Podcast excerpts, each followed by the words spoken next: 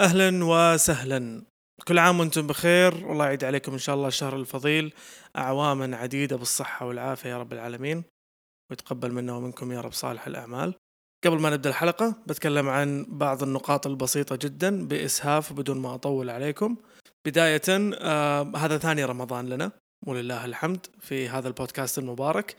رمضان اللي فات سوينا حلقة إدراك الوقت. كانت حلقة جميلة جدا. ولاقت إعجاب ولله الحمد. كانت تتكلم عن كيف الوقت في رمضان يطير بسرعة وكيف يخلص رمضان بسرعة وكيف إن إحنا الحين وصلنا لقرقيعان الليلة ليلة قرقيعان فسلم ولدهم يلا. فهذه حلقة جميلة جدا ويعني تستاهل الوقت. فإذا حابين تشيكون عليها إن شاء الله بخلي الرابط حقها في صندوق الوصف. وكذلك في صندوق الوصف راح تحصلون الرابط اللي يوديكم إلى راعي هذه الحلقة تطبيق أو برنامج فوم. إذا كنت صاحب مشروع ناوي تفتح لك مشروع تعرف أحد ممكن يفتح له مشروع مستقبلا وما عنده الدراية أو المعرفة الكاملة بالأمور الأمور المحاسبة يعني. برنامج فوم هو برنامج المحاسبة السحابية الأول في المملكة. آه برنامج فوم يسعى إلى أن يكون الفرد اللي ما عنده خلفية محاسبية يقدر يدير أعماله بنفسه بكل سهولة. فعندهم interface جميل جدا لل application هذا وسهل آه، الاستخدام. تقدر فيه تدير شؤونك المالية للعملاء أو الموردين للبضاعة اللي أنت بتجيبها. الأمان السحابي سهوله الإدخال والأهم الربط مع نقاط البيع والوصول للبيانات بشكل بسيط وسهل وسلس جدا للمستخدم. ويدعم أكيد عدة لغات. وعندهم الآن تجربة لمدة أسبوع مجانا تقدر تدخل تشوف الباقات تقارن بينها تقيس احتياجك وتشوف اللي يناسبك. الشغلة الأخيرة هي بخصوص التعليقات أو ال reviews اللي جات في الحلقات الماضية. الكثير كان منزعج شوي من موضوع الموسيقى فقررنا في هذه الحلقة نسوي تجربة نقلل من الموسيقى قدر المستطاع ونخلي الموضوع بأريحية أكبر. تمام؟ يعني اثنين قاعدين يسولفون مع بعض مش music و ups and downs وشغل تمام؟ ان شاء الله راح تكون حلقة جدا ممتعة. تحمست وأنا أسويها. تحمست وأنا أبحث فيها. وفيها يعني بتتفرع منها مواضيع كثيرة إن شاء الله بنحاول نغطيها في الحلقات الجاية. أما الآن لنبدأ.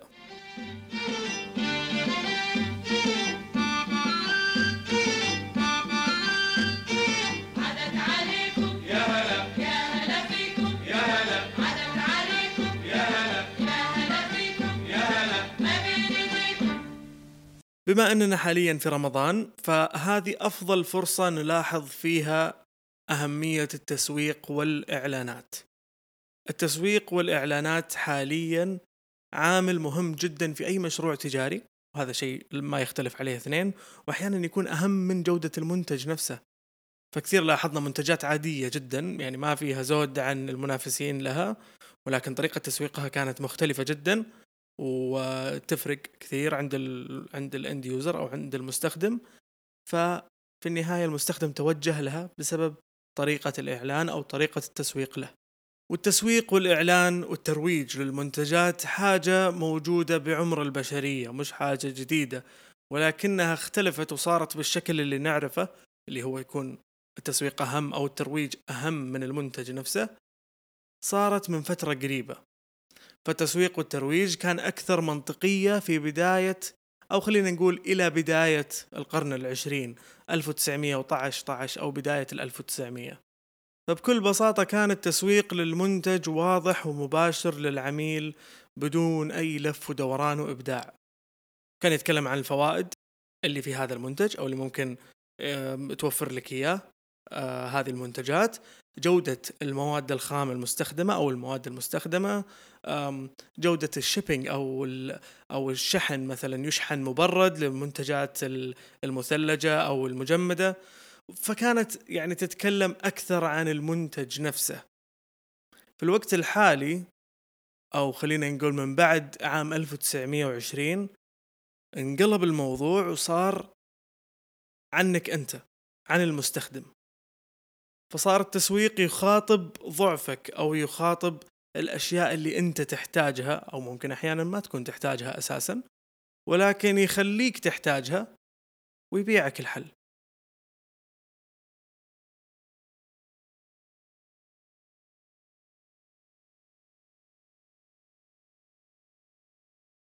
في بداية القرن العشرين كانت المرأة ممنوعة من أنها تسوي أشياء كثيرة عادي جدا أن الرجال يسوونها. وخصوصا في الولايات المتحدة الأمريكية كان الموضوع مشدد على النساء من ناحية أنه ممنوع أن المرأة تصوت وممنوع أنها تسوي أشياء الرجل يسويها أو أنها تلعب أدوار الرجل يلعبها يعني ما تقدر أنها تتوظف أو يعني تعمل بأي وظيفة ثانية غير أنها تكون في البيت. ومن الأشياء برضو اللي كانت ممنوعة على المرأة في ذاك الوقت أو مشدد عليها تعتبر تابو هي التدخين. بس هذا الكلام ما كان عاجب جورج واشنطن هيل President of the American Tobacco Company اللي هو رئيس الشركة الأمريكية للتبغ. جورج واشنطن هيل قال مقولة مشهورة في هذاك الوقت وهي أنه It's a gold mine right in our front yard. المقصود بكلامه أنه أنا كأنه عندي منجم ذهب قدام عيني ومش قادر أسوي فيه شيء. والسبب وراء المقولة هذه هو أنه جورج واشنطن هيل لاحظ أنه 50% من الشعب مش قاعد مش قاعد يستخدم منتجاته. بالمقابل 50% الثانية اللي هم الذكور كان الكل من كل فئات المجتمع يقدر يستخدم هذه المنتجات. حتى في وقتها أساسا كان حتى الدكتور يدخن وينصح بالتدخين آه كان المهندس يدخن الميكانيكي يدخن الطلاب يدخنون. فكان شيء عادي جدا. فهو ما يحتاج إنه يستهدف فئة معينة من الرجال هو بس ينزل المنتج وخلاص الكل يستخدمه. فكانت فرصته بالدخول بالمنتج هذا على النساء مستحيلة ولكن لو حصلت it's gold mine في النهاية. منجم ذهب بينفتح لك آه، وبتغرق الشركة فلوس وبتموت rich إن شاء الله. كان في محاولات من شركته مرارا وتكرارا خلال السنين ولكن كلها باءت بالفشل لأن الموضوع هذا مترسخ في عقلية الشعب كله النساء والرجال. وبالرغم من المحاولات الفاشلة أكيد الشركة زي هذه ما راح توقف محاولات تسويقية لأنها تفتح باب تدخين النساء عشان تتضاعف أرباحها ويتضاعف دخلها. فظلت تحاول إلى أن وصلنا إلى عام 1928 وظفت هذه الشركة ال American Tobacco Company شخص يدعى إدوارد برنيز. إدوارد برنيز شخص يافع صغير السن كثيف الشنب.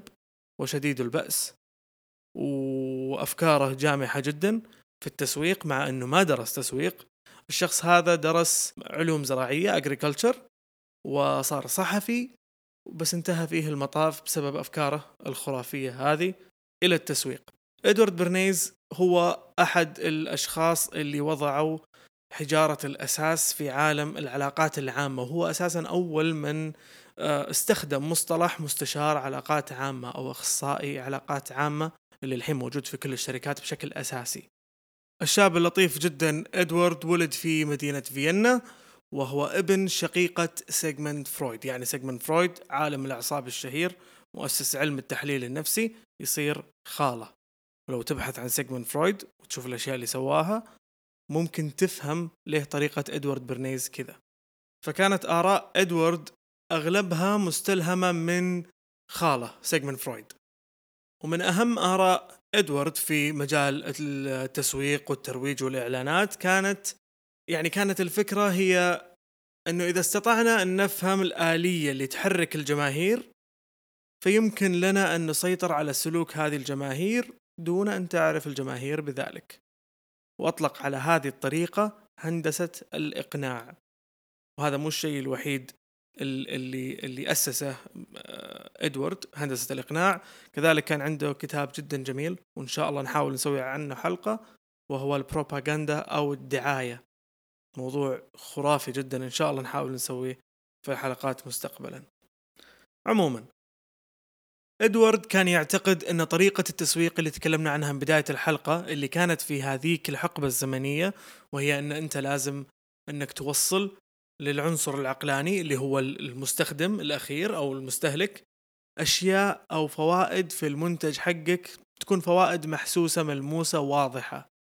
إدوارد كان يعتقد إن هذا الشيء كله هراء وإذا بنستمر بهذه الطريقة ما راح نطب على المنجم الذهب هذا ولا راح يدخن أحد.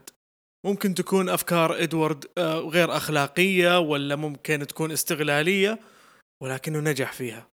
فهو كان يقنع جورج واشنطن هيل رئيس شركة التوباكو أو شركة التبغ بأنه إحنا لازم نوسخ إيدينا بالوحل عشان نطيح على منجم الذهب هذا.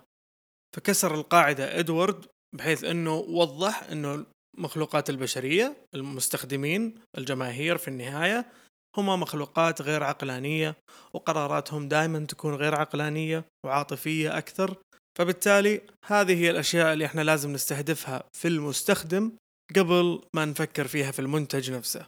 نقاط الضعف التالية العواطف وأن نحاول نخترق وندخل عقله الباطن نزرع فكرة ونمشي.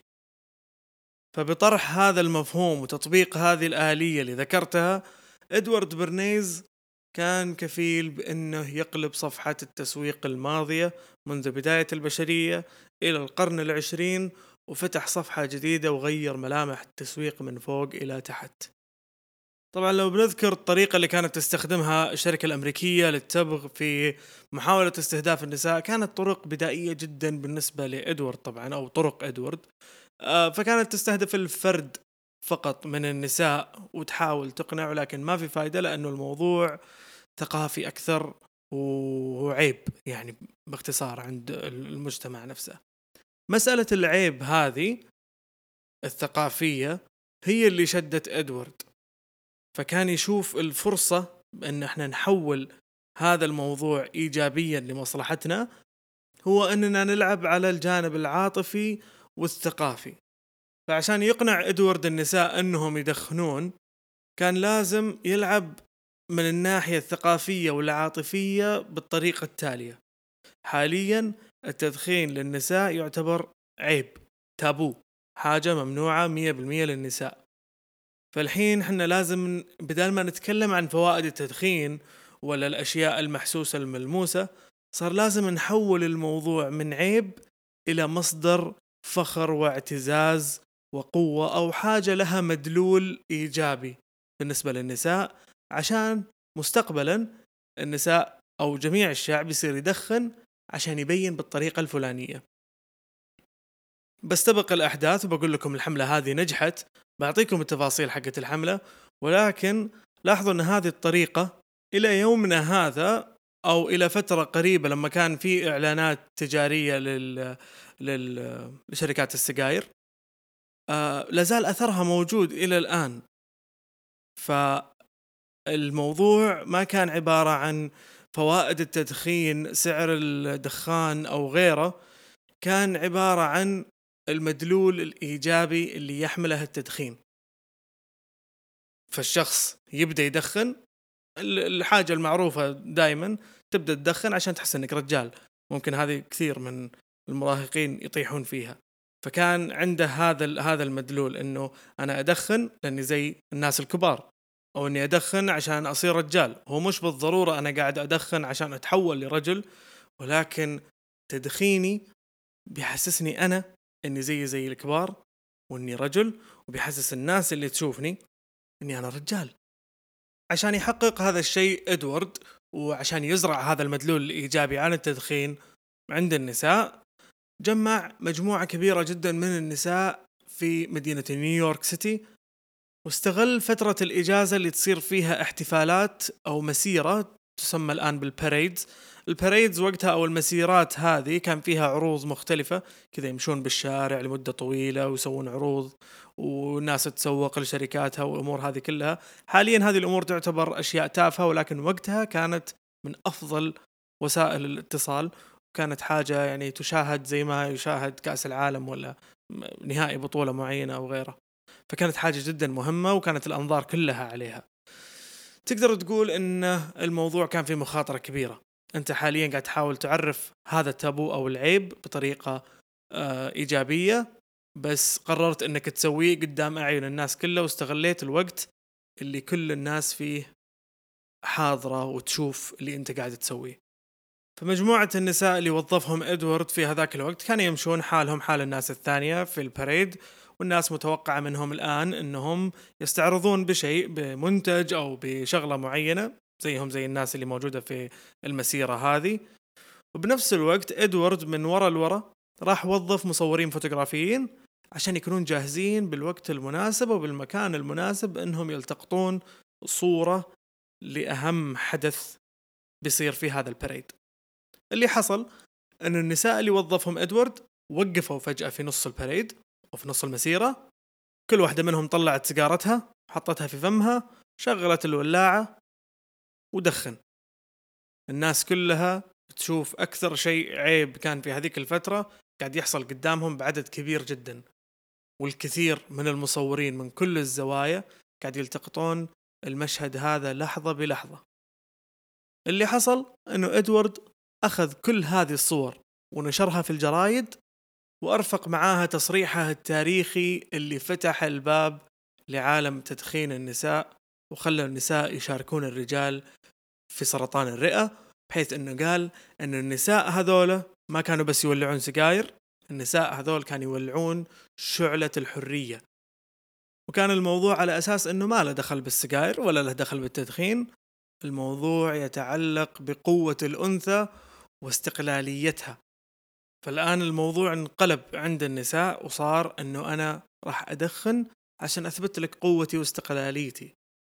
إلى أن بعدين أكيد أخذ مناحي ثانية وصار عادة أكثر صار إدمان غيره مع تطور الزمن ولكنه بدأ صغير زي كذا في محفل تاريخي كبير في حدث تاريخي في نيويورك سيتي بسبب الطيب ذو الشنب الكثيف إدوارد برنيز تقدر تقول عن ادوارد إنه ذكي وتقدر تقول عنه إنه هو خبيث كذلك لأنه اللي سواه كله كان فيك كله كان حاجة يعني مش حقيقية حاجة كذا تمثيل تمام؟ واخترع هو المدلول هذا من راسه شعلة الحرية ومشى على الناس كلها لأنه هو كان عارف إنه أنا إذا استغليت التظاهر السياسي اللي حاصل في هذه الفترة فأنا يعني بستثير المشاعر المطلوبة عشان أخلي النساء تقوم بهذا الفعل.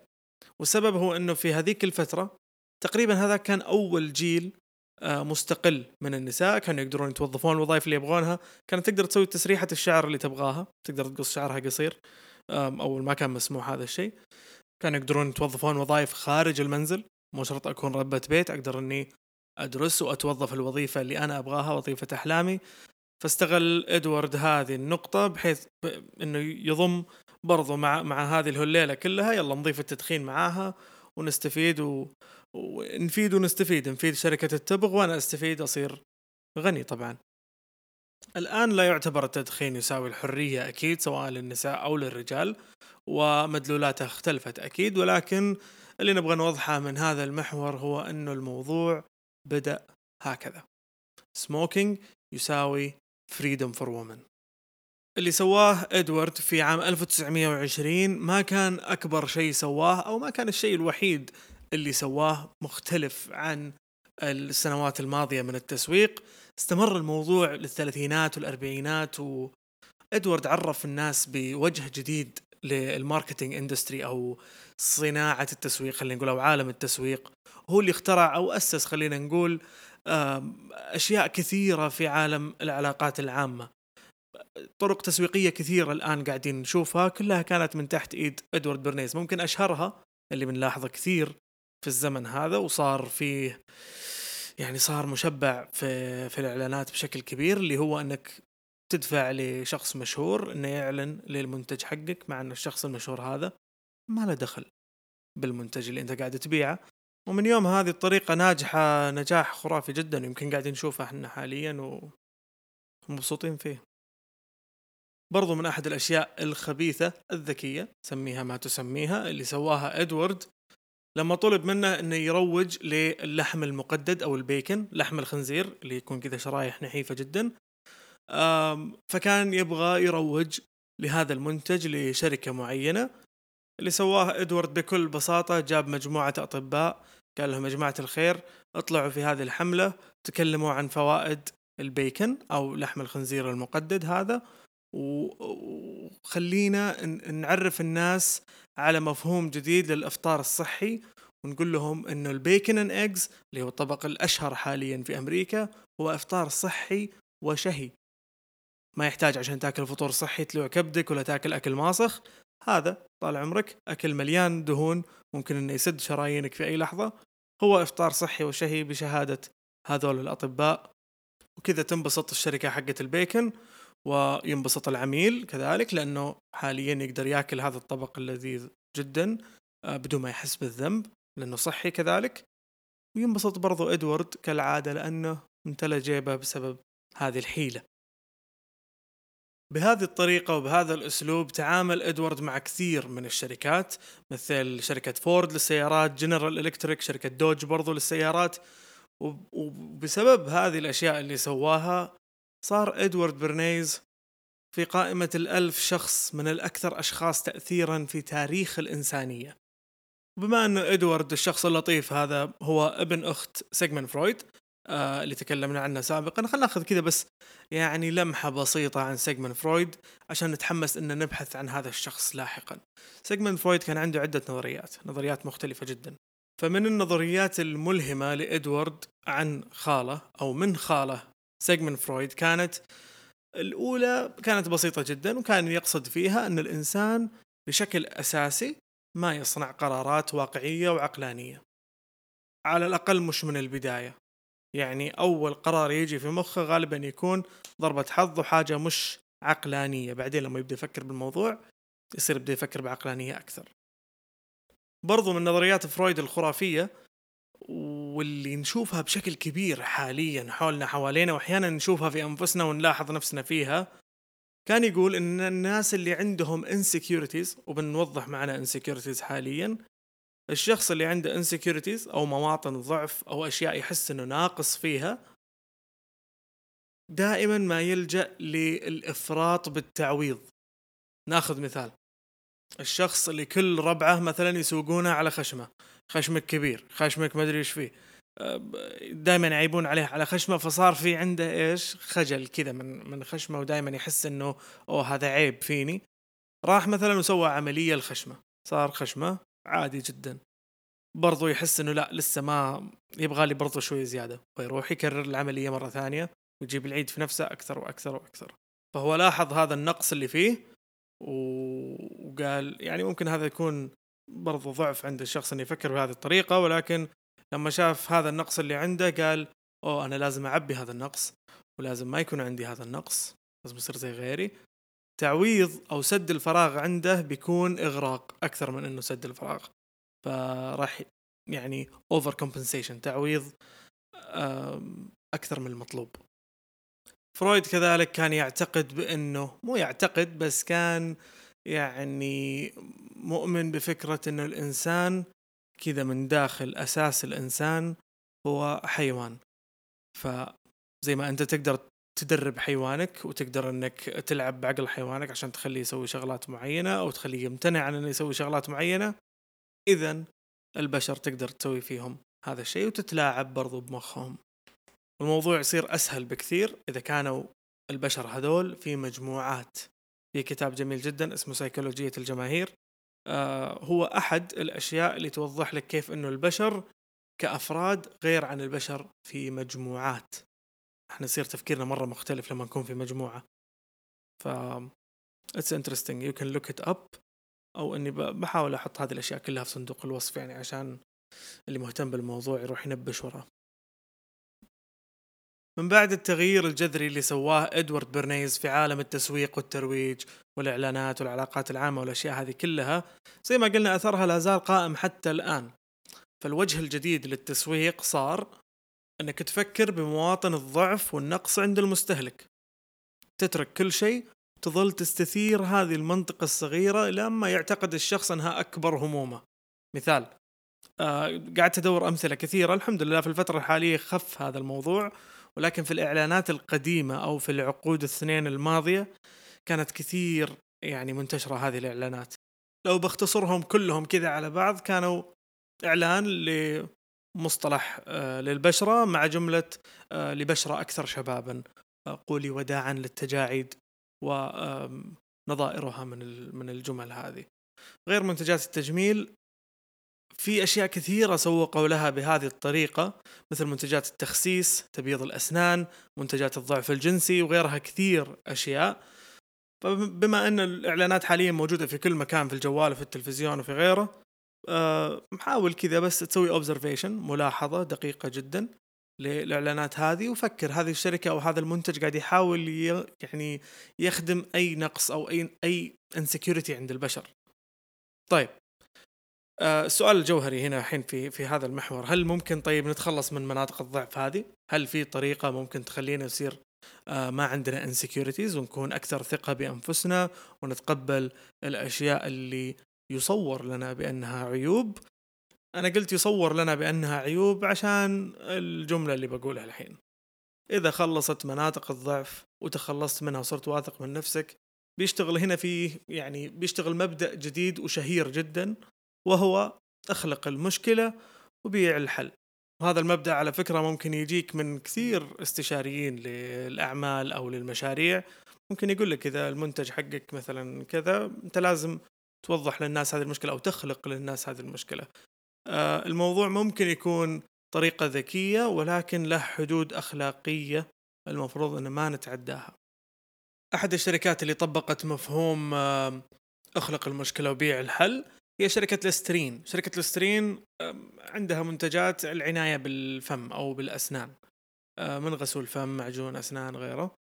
بما أن أساس رزق هذه الشركة يعتمد على العناية بالفم والمنتجات هذه كلها فلازم إن إحنا نحقق أرباح دبل. لأنه ليش لا؟ فاللي سووه إنه أخذوا مصطلح أو فكرة رائحة الفم الكريهة اللي هي تعتبر يعني حاجة واردة عند الكل بمختلف الأسباب. صحيح إنها حاجة تضايق ولكنها مش بالطريقة اللي استعرضتها السترين. السترين كبرت الموضوع وخلته حالة صحية. أوف تحتاج الالتفاتة وسببت قلق اجتماعي عند الناس. فصار الواحد دائما يشيك على نفسه وصار الناس دائما يحكمون على الناس سبب راحة نفسهم بدون أي عذر بدون شيء.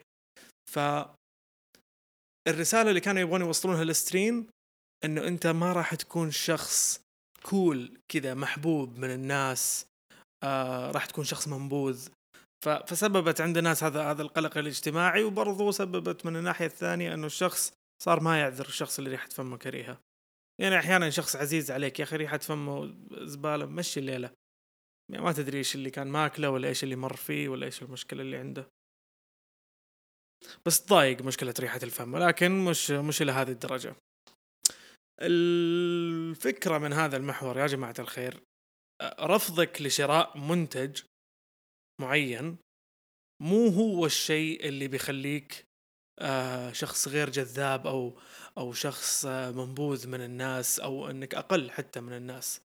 فتعزيز الشركة للقلق الاجتماعي اللي عندك إنها تسبب لك social anxiety آه هذا هذا ببساطة هو الشيء المربح بالنسبة لهم مش آه مش المنتج أساسا. فأنت تصير تربط الفكرة إنه أنا أصير عشان أصير شخص جذاب وشخص آه الكل يلتم حولي والأمور هذه كلها لازم أستخدم منتجات شركة السترين. أنت ما راح تقولها بهذه الطريقة ولكن يعني عقلك الباطن كذا من داخل راح يقول لك هذا الشيء. ليه؟ لانهم اللي استثاروا هذا الضعف عندك أو هذا النقص اللي أنت تحسه عندك. هذه الشركة فتصير أنت تربطها بشكل غير مباشر ومين المستفيد يا ضنايا؟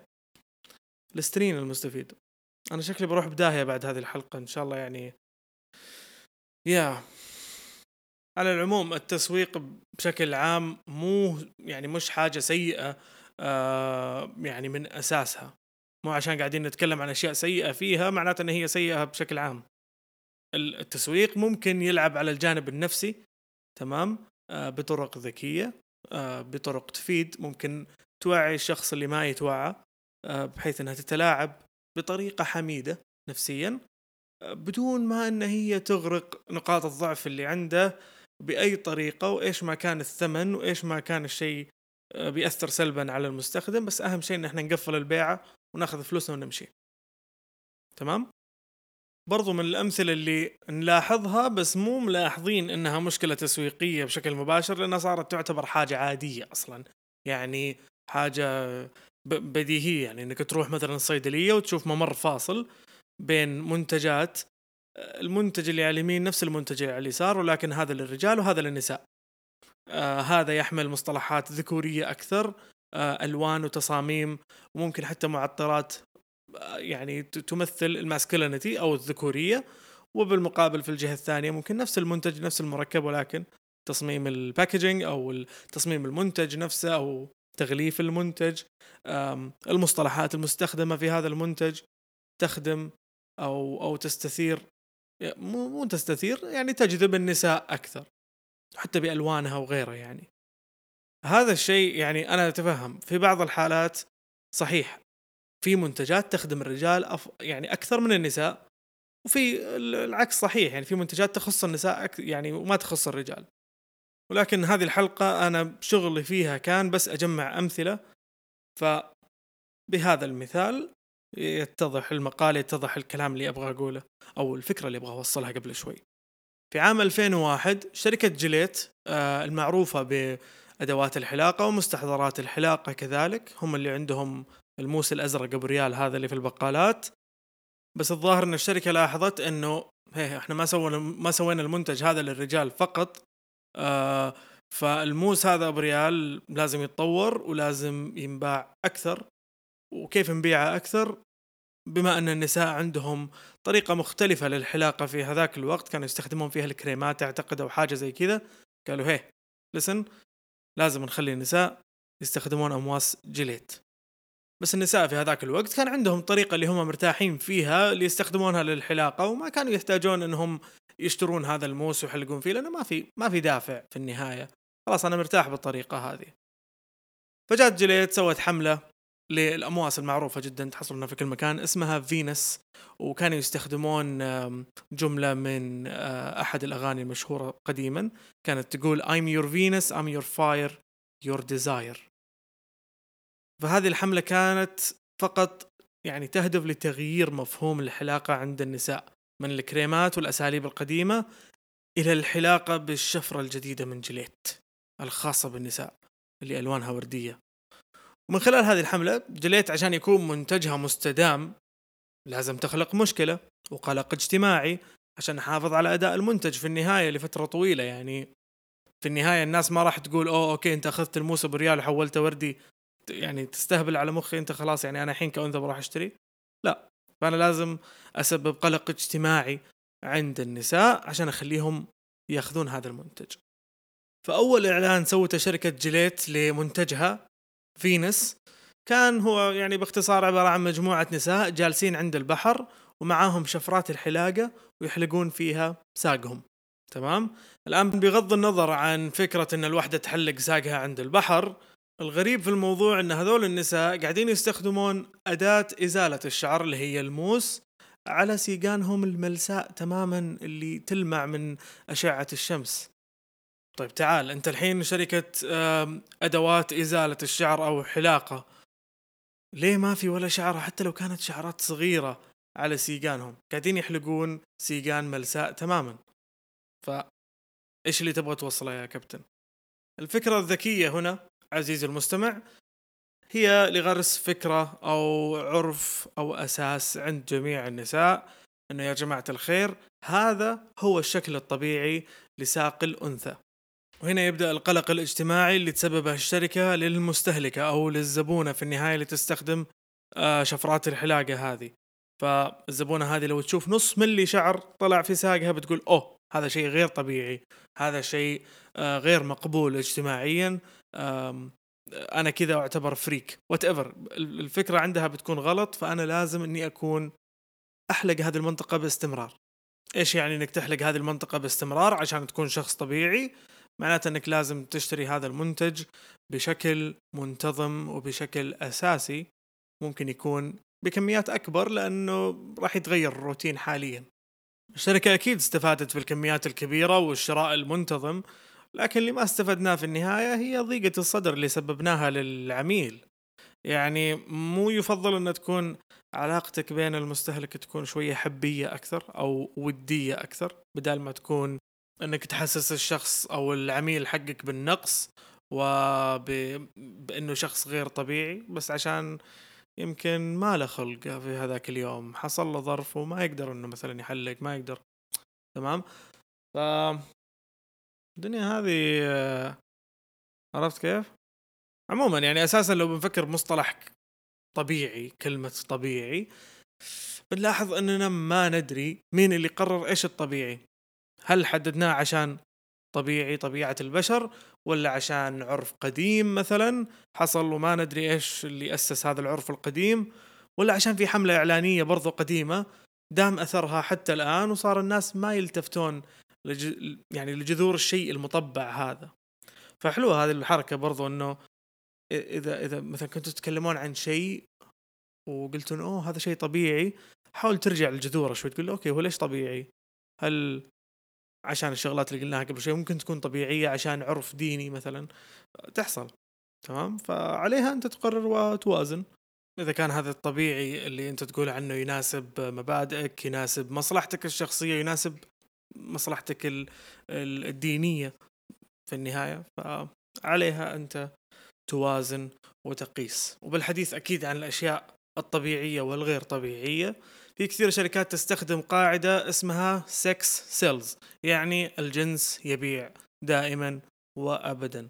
سواء كنت منتبه للموضوع هذا ولا مو منتبه له متضايق عشان مثلا مراهقين أو صغار بالسن قاعدين يتعرضون لهذه المشاهد ولا لا؟ هو ماشي يعني ماشي.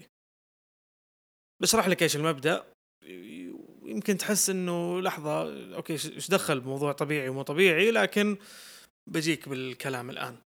هذا النوع من الإعلانات قد تكون السيطرة عليه حاليا أفضل من العقد الماضي أو العقود الماضية آه، اللي هو الترويج بالإيحاء الجنسي. طبعا طريقتها المعروفة والكلاسيكية هي أنك توظف مروجين أو مروجات أو يعني يسمون عارضين أو عارضات في الإعلان حقك يكونون مثيرين للجنس الآخر أو جذابين للجنس الآخر ولكن بشكل مبالغ فيه. وغير إنه مبالغ فيه ما له أي علاقة بالمنتج اللي قاعد يروج له حاليا.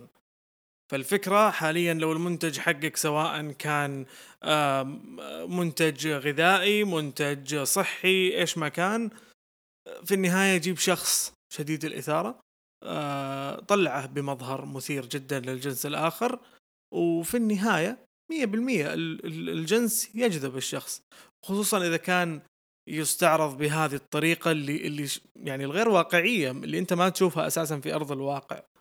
صحيح ما نختلف إن الجنس يعتبر حاجة جذابة للبشر أكيد هذه طبيعة البشر ولكن طريقة الجذب هذه لها أثر سلبي في نفسية المستهلك. لأن المستهلك اولا راح يقارن نفسه أو راح تتم مقارنته بأشخاص غير حقيقيين أساسا. لأن اللي صار أساسا إنه في الإعلان هذا جابوا شخص مثير جدا للجنس الآخر استعرضوه بطريقة خرافية تمام بالإضافة للتحسينات اللي عملوها عليه سواء إذا كان مثلا صورة أو منشور حسنوها بالفوتوشوب أو غيرها من البرامج التحسينية وحتى لو كان فيديو مؤثرات make up آه، تصويري أشياء كثيرة. ف هذا يعني هذا الشخص أو أو مواصفات هذا الشخص المثالية هي حاجة غير حقيقية غير موجودة أساسا في أرض الواقع. بس اللي قاعد نسويه إنه إحنا قاعدين نقول للمستهلك نشوف أنت المفروض تكون كذا تمام؟ أو المفروض إنك تكون مع شخص كذا أو تبحث عن شخص كذا أو أنت مثلا ما راح تعجب إلا بشخص بهذه المواصفات. وجود الشخص المثير هذا في الإعلان هدفه إنه يخليك توقف وتسمع أو تشوف الإعلان هذا وتتفاعل معه. تمام؟ فهذا الهدف حق الشركة أساسا. لكن الحاجة الجانبية اللي تصير البرمجة اللي تكلمنا عنها قبل شوي اللي تصير لمخ المستهلك الضعيف المسكين اللي تخليه يطمح لأنه يصير حاجة ما لها وجود أساسا. تمام هذا التصرف قد يعتبر تصرف ذكي مهنيا ولكنه سيء اخلاقيا وله تبعات سلبية كبيرة على المجتمع أو على المستهلك نفسه على الفرد. حتى لو أنت وقفت الشخص وخليته يشوف إعلانك في النهاية بس هو شاف إعلانك بأكثر من منظور. تمام؟ ف حتى لو كان في ناس ما تأثروا هذا التأثر أو كان تأثرهم بسيط جدا آه لازم نحسب حساب برضو الناس اللي ممكن تتأثر بشكل كبير سلبيا وتصير آه، بسبب آه، يعني كثرة هذه الإعلانات تلجأ إلى خلينا نقول عمليات تجميل مبالغ فيها تحاول تسد فيها النقص بشكل مبالغ فيه.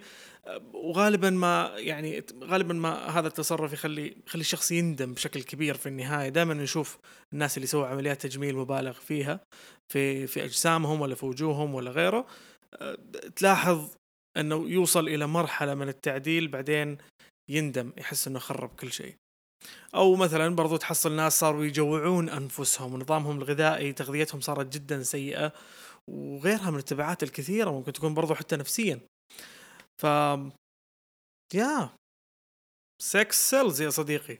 الجنس يبيع مية بالمية ولكن تبعاته سيئة.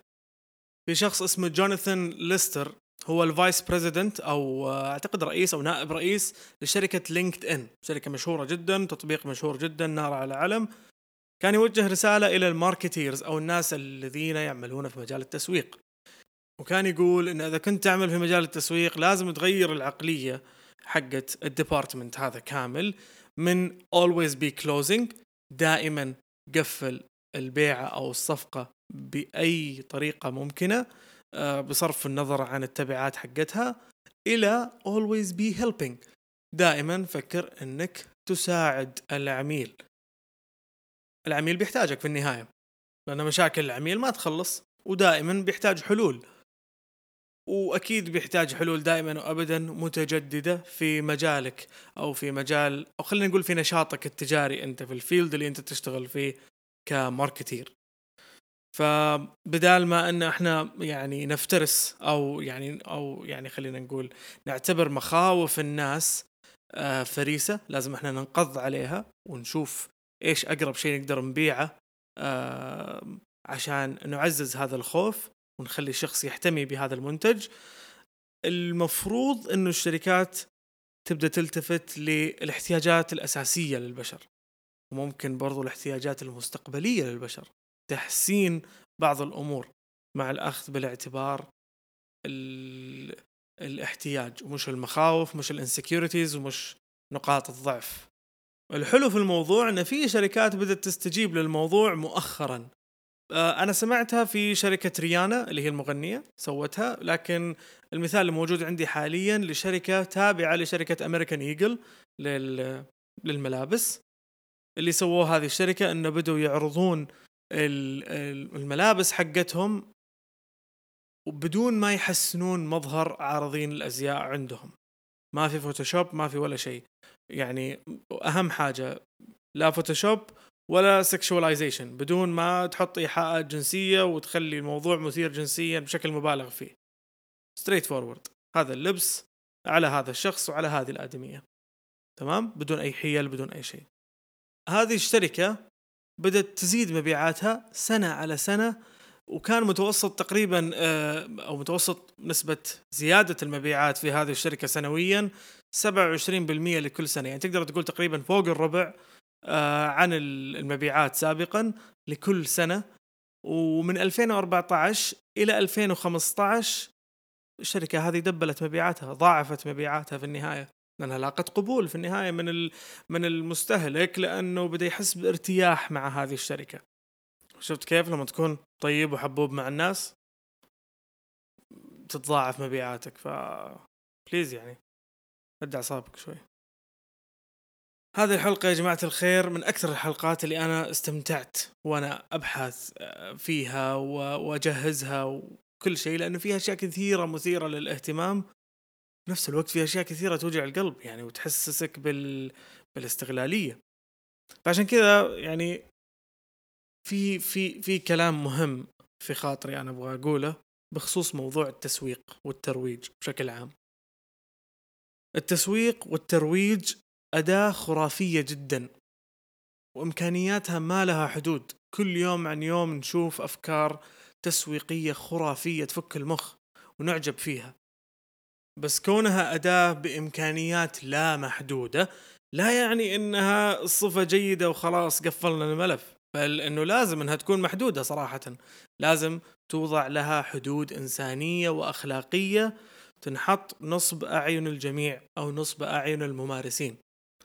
لأنه إيش ما كان حجم العوائد من الحملات التسويقية هذه عمرها ما راح تساوي قيمة إنسان انكسر نفسيا بسبب ضعفه أمام هذه الحملات الغير واقعية أو سببت له قلق اجتماعي أو حتى ممكن في أسوأ الحالات تدفع به للانتحار بسبب شعوره بالنقص. وحصلت كثير يعني حتى لو أنت تعتبر الموضوع هذا مستحيل أنك تسويه أو مستحيل أنك تتأثر لهذه الدرجة في كثير ناس يعني أضعف منك و... وراحت أرواحهم بسبب مجرد الشعور بالنقص. فإذا كان التسويق والترويج المستدام هو البحث عن المشاكل وتوفير الحلول. فكلنا عارفين إن العالم مليان مشاكل وكوارث خصوصا في هذه الفترة كل يوم نسمع عن مشكلة جديدة تشيب الرأس. كل يوم نصحى على أخبار مختلفة وأشياء ما قد سمعنا عنها من قبل. فبلاش نخلق مشاكل من العدم وإحنا عندنا مخزون احتياطي فائض كبير جدا من المشاكل. الحل باختصار تمام؟ هو الوعي الذاتي. الكل يتفق إن الحل هو الوعي الذاتي أو ما يسمى بالسلف اويرنس تمام؟ لكن هذه الكلمة تنقال بشكل آه سهل لكن هي بالأساس صعبة. صعب إنك تكون واعي ذاتيا الموضوع يحتاج منك قوة وصبر تمام؟ وشجاعة برضو. يعني لما تختار منتج يعني الوعي الذاتي باختصار إنه هو لما تختار منتج تقيم احتياجك تحدد مشكلتك تفكر بالمعايير الموجودة حاليا. أو الستاندردز اللي أنت قاعد تتسوق على أساسها أو تقرر على أساسها. هل هذه المعايير واقعية ولا خيالية وغير منطقية سووها ناس لمصالحهم؟ تمام؟ أحيانا يكون أحيانا تكون هذه ال standards موجودة في مجتمعك فأنت بتطلع عكس التيار لما أنت تسويها أو إنك ما تسويها. لكن في النهاية ما عليك من أحد. أنت شوف إيش الشيء اللي يخدم مبادئك يخدم صحتك دينك أخلاقك. في النهاية أنت اللي تحط المعايير هذه. أو حتى لو كانت عندك معايير already راجع معاييرك هذه. هل أنا حطيتها عشان تخدم مصالحي ولا عشان تخدم مصالح ناس ثانية؟ من هنا أعزائي المستمعين وحبايب قلبي إلى عالم جديد إن شاء الله من التسويق الإنساني الأخلاقي. نترجى إن شاء الله من المستقبل كل خير. ونتمنى منكم تقييم برضو هذه الحلقة على أساس أني بدس السم في العسل. لا تنسون تقييم الحلقة إذا عجبتكم. تمام؟ وإذا ما عجبتكم آه، كثير قاعدين نشتغل على موضوع الفيدباك اللي يجينا منكم للتحسين. فنشكركم على هذا الشيء وعلمونا. هل كذا كويس؟ تبغون نحسن أشياء ثانية؟ إحنا جاهزين دائما وأبدا ونبغى نستعرض المحتوى الجميل بأفضل طريقة تناسبكم أكيد دائما وأبدا. كذا خلاص خلصنا شطبنا.